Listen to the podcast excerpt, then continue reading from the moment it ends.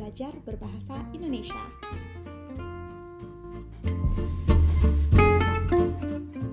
Selamat malam, Trias. Halo, selamat malam.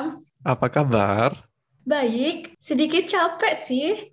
Kalau kamu apa kabar? Aku ya baik. Di sini masih siang, jadi aku masih semangat.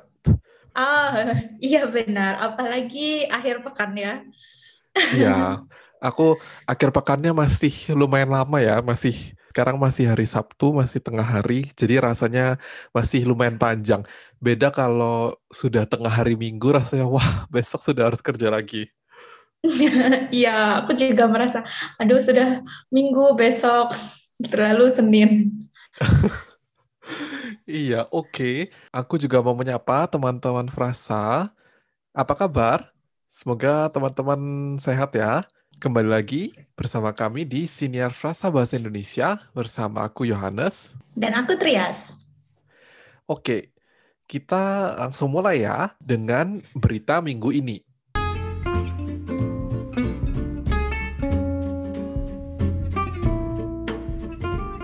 Berita minggu ini.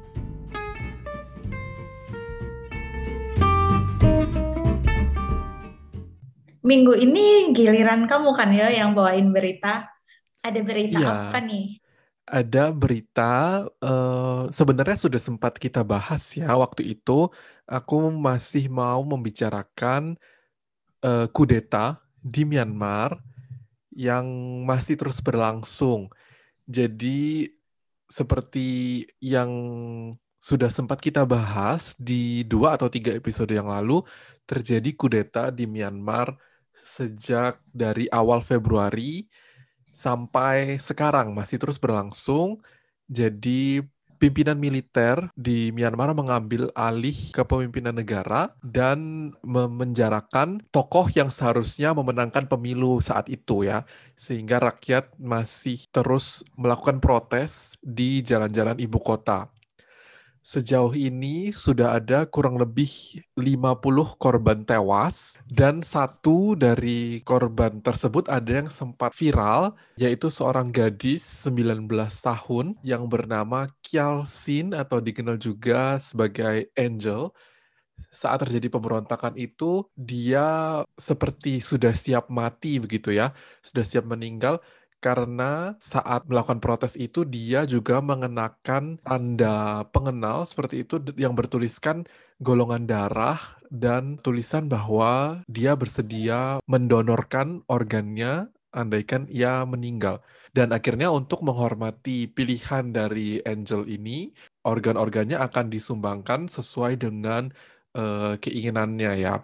Nah, berita ini sempat viral termasuk juga di Indonesia mengingat betapa gigihnya perjuangan dia, juga sempat beredar beberapa cerita bagaimana dia menolong eh, sesama pendemo waktu itu ketika ada gas air mata, bagaimana dia berjuang eh, merusak pipa air sehingga akhirnya eh, pendemo bisa menggunakan air itu untuk mengusap gas air mata yang ya melukai mereka.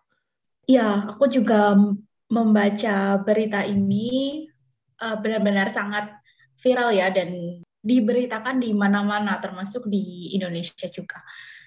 Jadi Angel benar-benar berjuang di garda terdepan dan juga sampai titik darah penghabisan itu ya.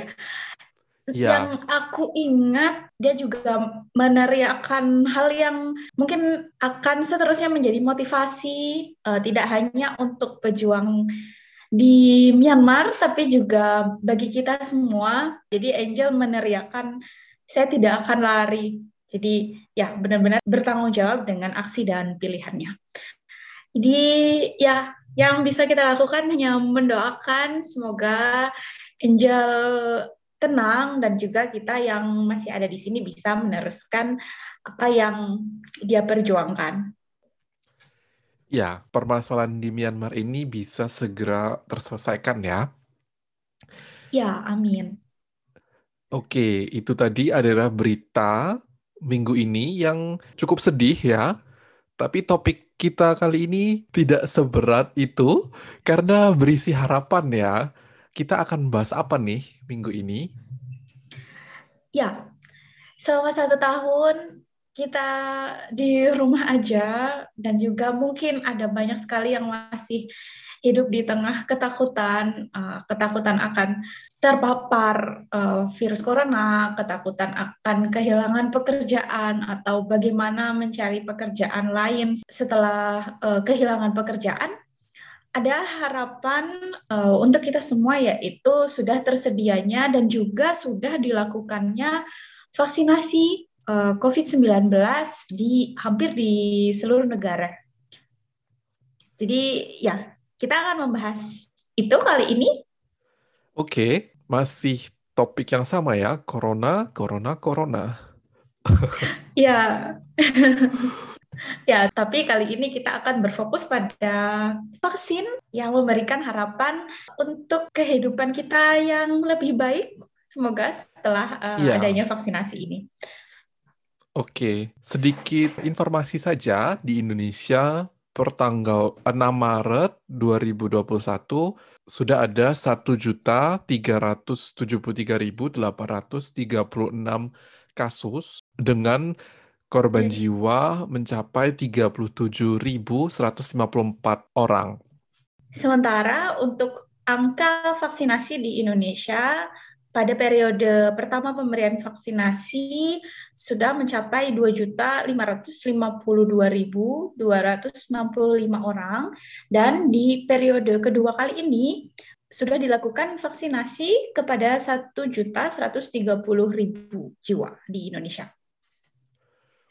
Oke, membahas vaksinasi di Indonesia nih, kan ada banyak macamnya ya vaksin yang beredar di seluruh dunia vaksin apa sih yang digunakan di Indonesia?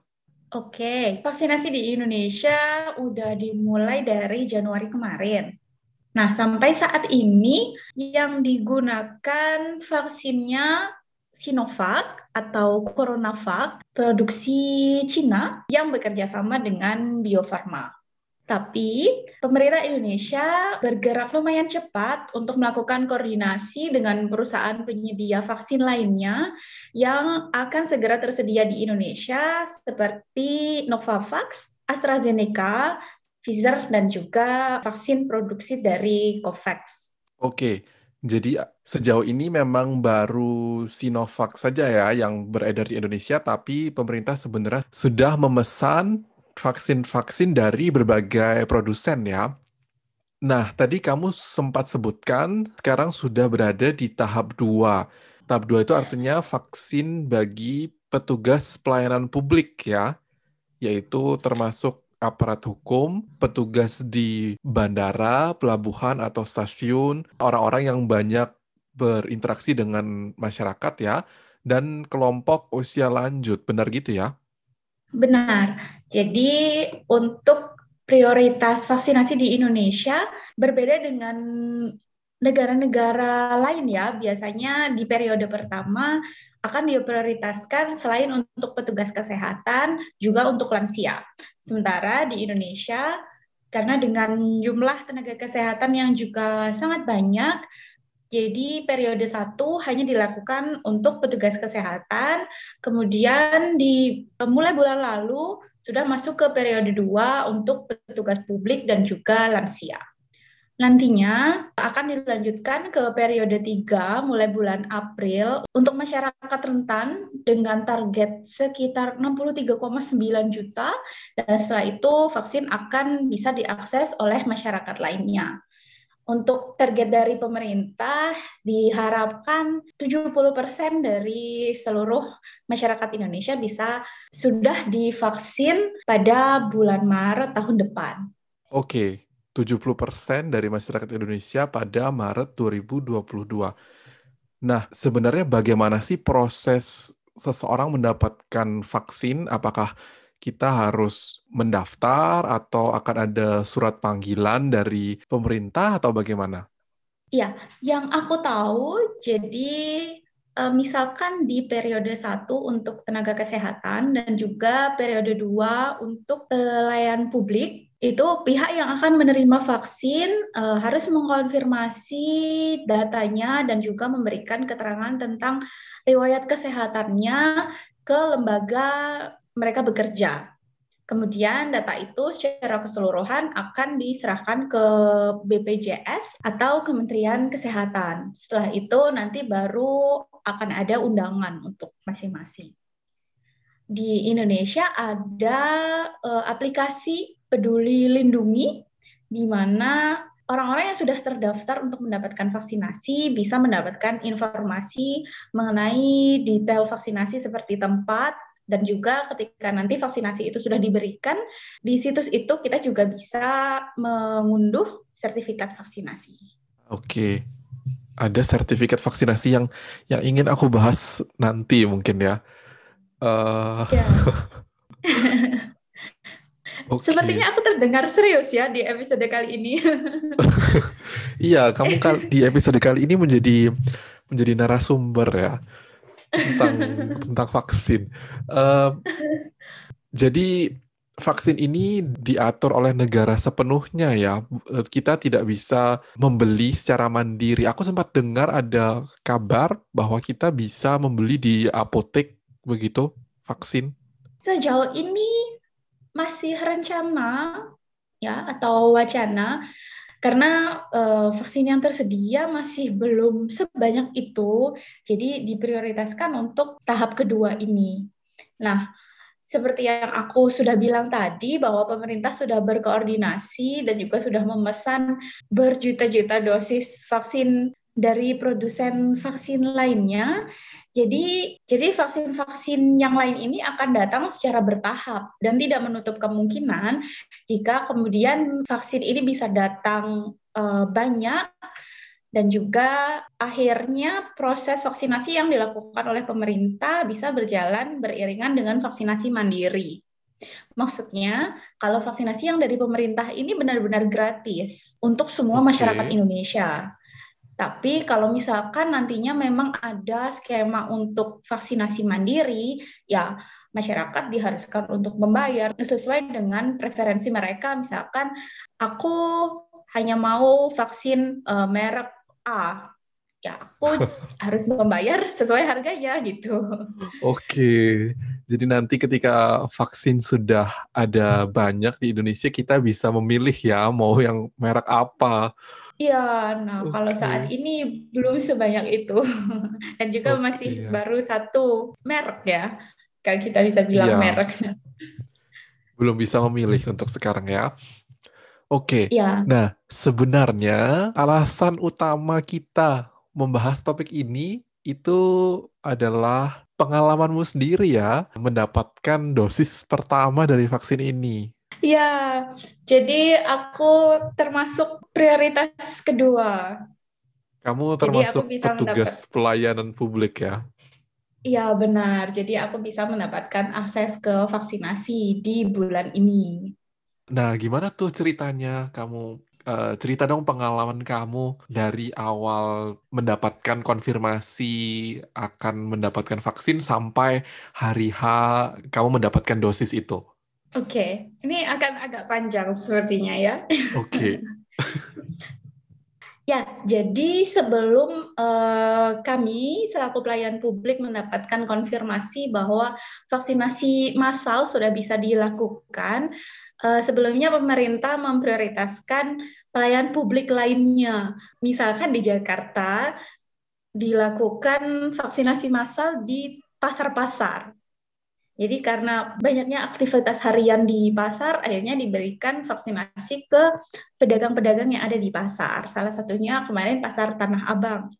Hmm, nah, okay. setelah itu selesai, kemudian kami mendapatkan informasi ya bahwa pelayan publik sudah mulai bisa menyelenggarakan vaksinasi sesuai dengan instansinya masing-masing.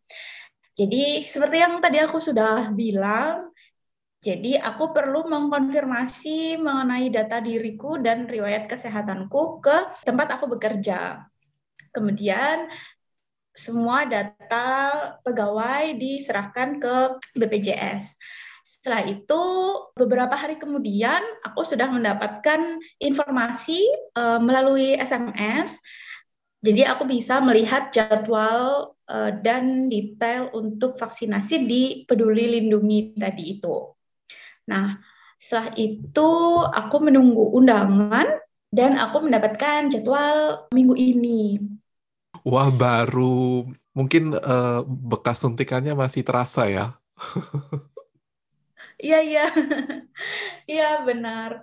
Jadi, ya akhirnya aku mendapatkan undangan uh, dan ketika aku cek di Peduli Lindungi tadi itu sudah uh, terkonfirmasi juga. Akhirnya aku datang ke tempat vaksinasi sesuai jadwal.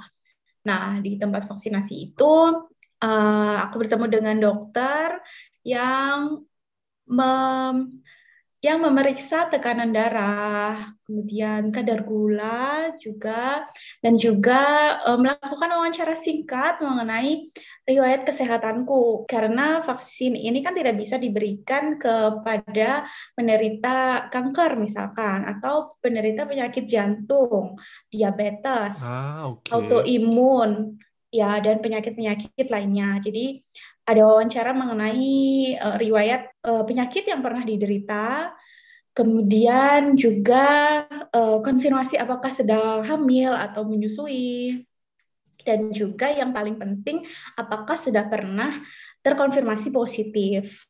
Karena kalau misalkan kita sudah pernah terkonfirmasi positif COVID-19, vaksin bisa dilakukan tiga bulan setelah itu.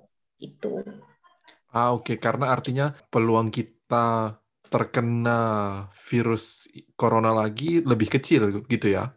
Uh, bukan karena kalau dari vaksin yang kita gunakan di Indonesia Sinovac itu kan dibuat dari virus yang dilemahkan. Jadi ya. kalau misalkan kita sudah pernah terkonfirmasi positif, vaksinnya seperti akan sia-sia gitu karena ya okay, sebenarnya okay. masih ada mungkin ya sisa-sisa uh, virusnya di tubuh kita. Oke, okay, jadi lebih baik dosisnya diberikan untuk orang yang sama sekali belum pernah terinfeksi ya. Benar. Jadi untuk penyintas akan diberikan tiga bulan setelah dia terkonfirmasi negatif. Itu setelah okay. dia sembuh.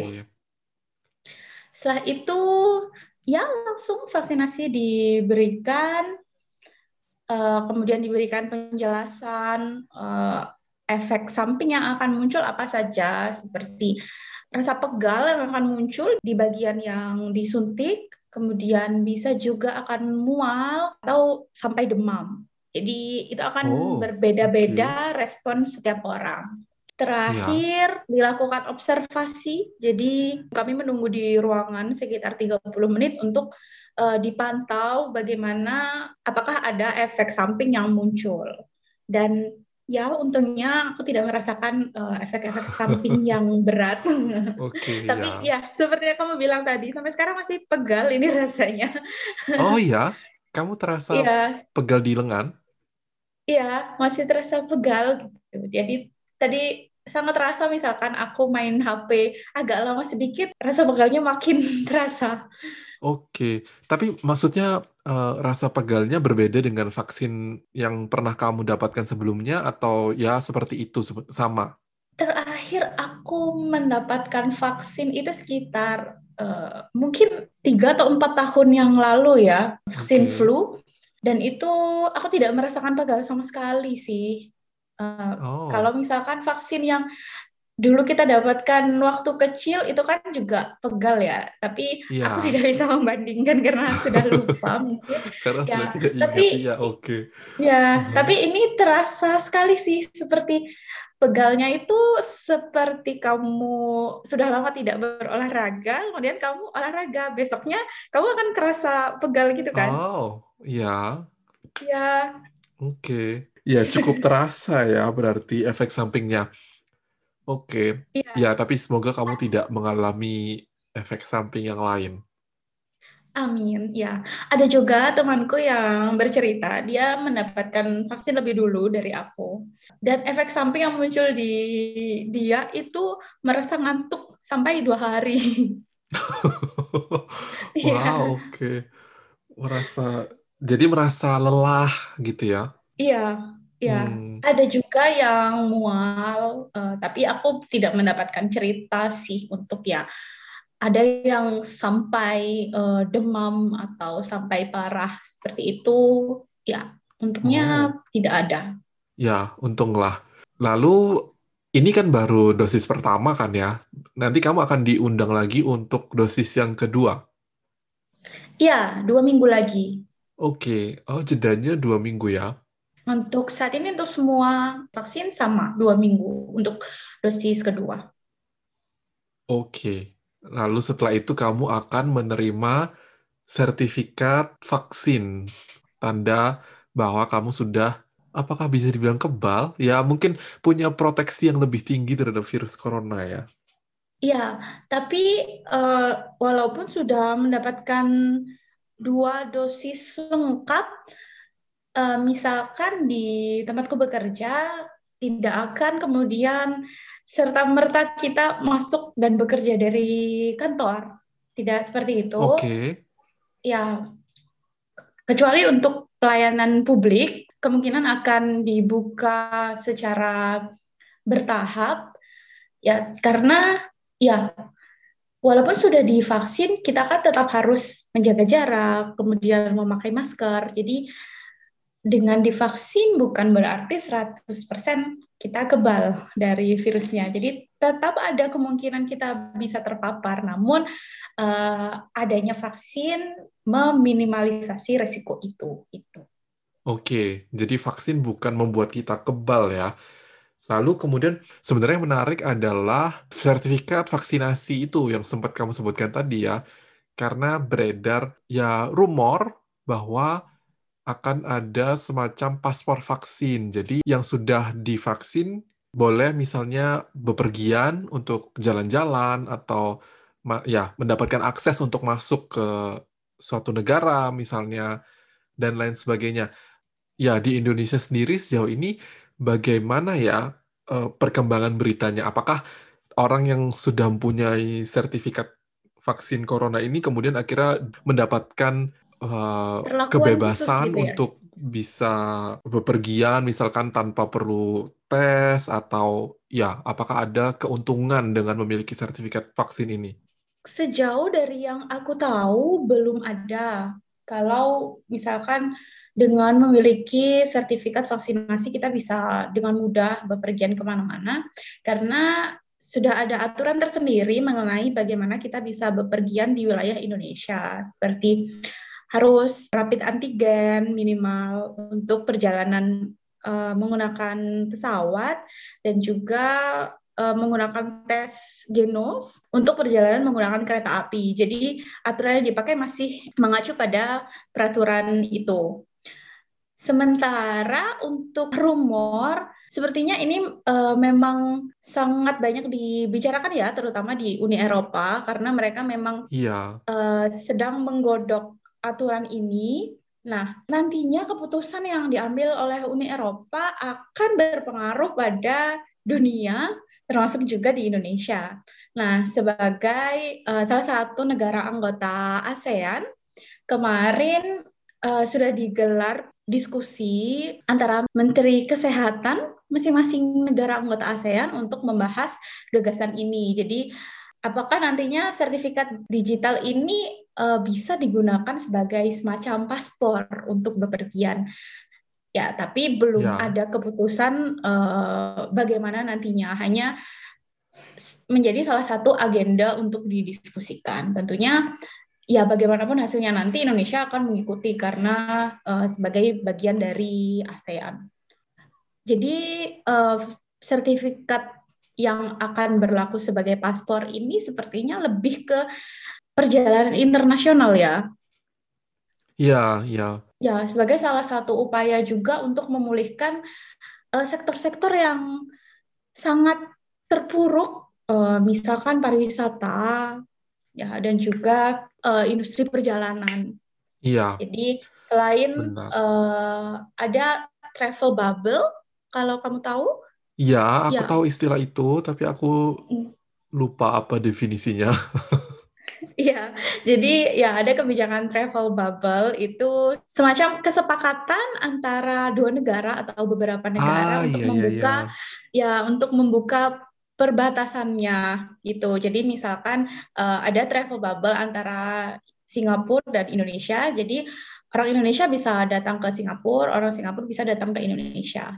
Jadi untuk perjalanan internasional yang bisa masuk ke Indonesia hanya uh, untuk warga Singapura, misalkan seperti itu. Nah, selain travel bubble ini, uh, wacana penggunaan paspor vaksin ini juga menjadi salah satu agenda pemulihan sektor-sektor ini tadi gitu. Menarik ya, karena ada juga pihak-pihak yang kontra, yang uh, menyebutkan misalnya vaksin ini kan di banyak negara di Uni Eropa misalnya tidak diwajibkan karena mungkin ada orang-orang yang memang tidak ingin mendapatkan vaksin atau untuk orang-orang yang memang dari segi kesehatan tidak mungkin mendapatkan vaksin akhirnya menjadi ter terhalang begitu ya. Menjadi terhalang ya didiskriminasi dari paspor vaksin ini gitu ya. Ya, sama sih sebenarnya seperti di Indonesia. Vaksinasi diwajibkan sebenarnya dan juga gratis dari pemerintah. Namun jika kita mengacu ke undang-undang juga eh, dikatakan bahwa setiap warga bisa menentukan fasilitas yang mau dia dapat dari sektor kesehatan misalkan. Jadi sama uh, ini merupakan hal yang uh, agak susah di dua sisi.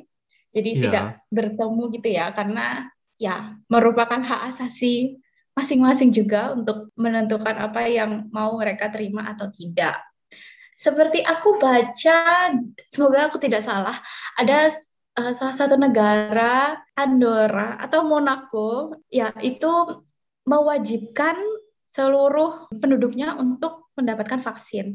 Jika okay. tidak bersedia, misalkan kamu sakit karena COVID-19, kamu harus menanggung semua biayanya sendiri. Jadi tidak oh, bisa ditanggung wow. asuransi.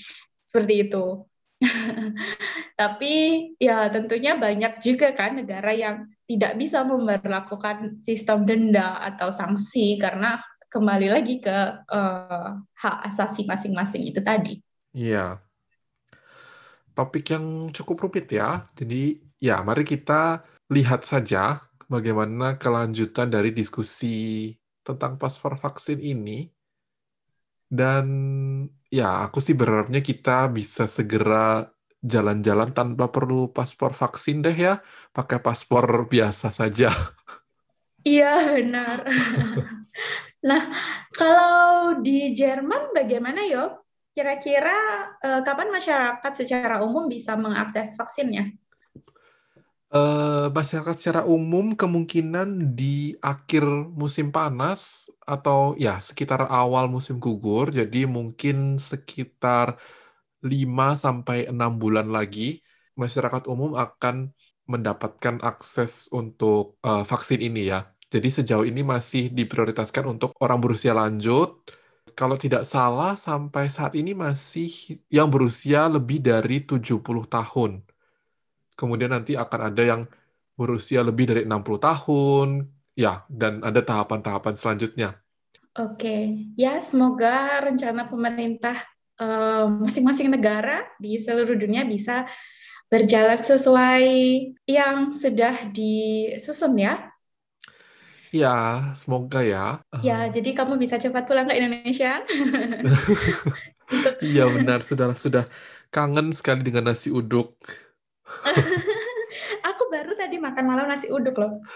Aduh, ya aku ingin sekali makan nasi uduk karena susah kan membuat dengan berbagai macam lauk yang tentu tidak mungkin aku buat satu persatu. Mungkin, tapi mungkin menghabiskan satu hari. iya. Oke, okay. ya teman frasa, itu tadi pembahasan kami minggu ini mengenai vaksinasi corona di Indonesia. Nah, bagaimana di negara teman frasa? Atau apakah teman frasa sudah mendapatkan dosis pertama atau malah sudah mendapatkan dosis lengkap vaksinasi COVID-19 ini? Teman Frasa bisa menceritakannya ke kami melalui pesan suara di Anchor atau melalui surah kami di kontakfrasa@gmail.com. Kami tunggu.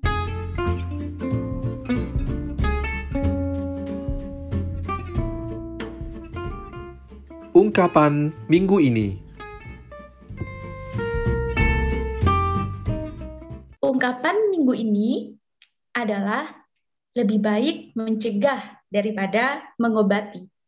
Seperti lebih baik kita bersedia untuk mendapatkan vaksinasi daripada kita nanti harus kesusahan apabila kita terpapar virus corona.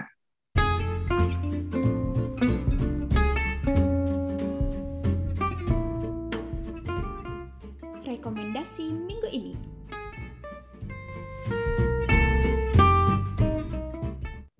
Rekomendasi minggu ini adalah sebuah situs internet untuk donasi bagi distribusi vaksin virus corona yang lebih merata di seluruh dunia, yaitu www.gavi.org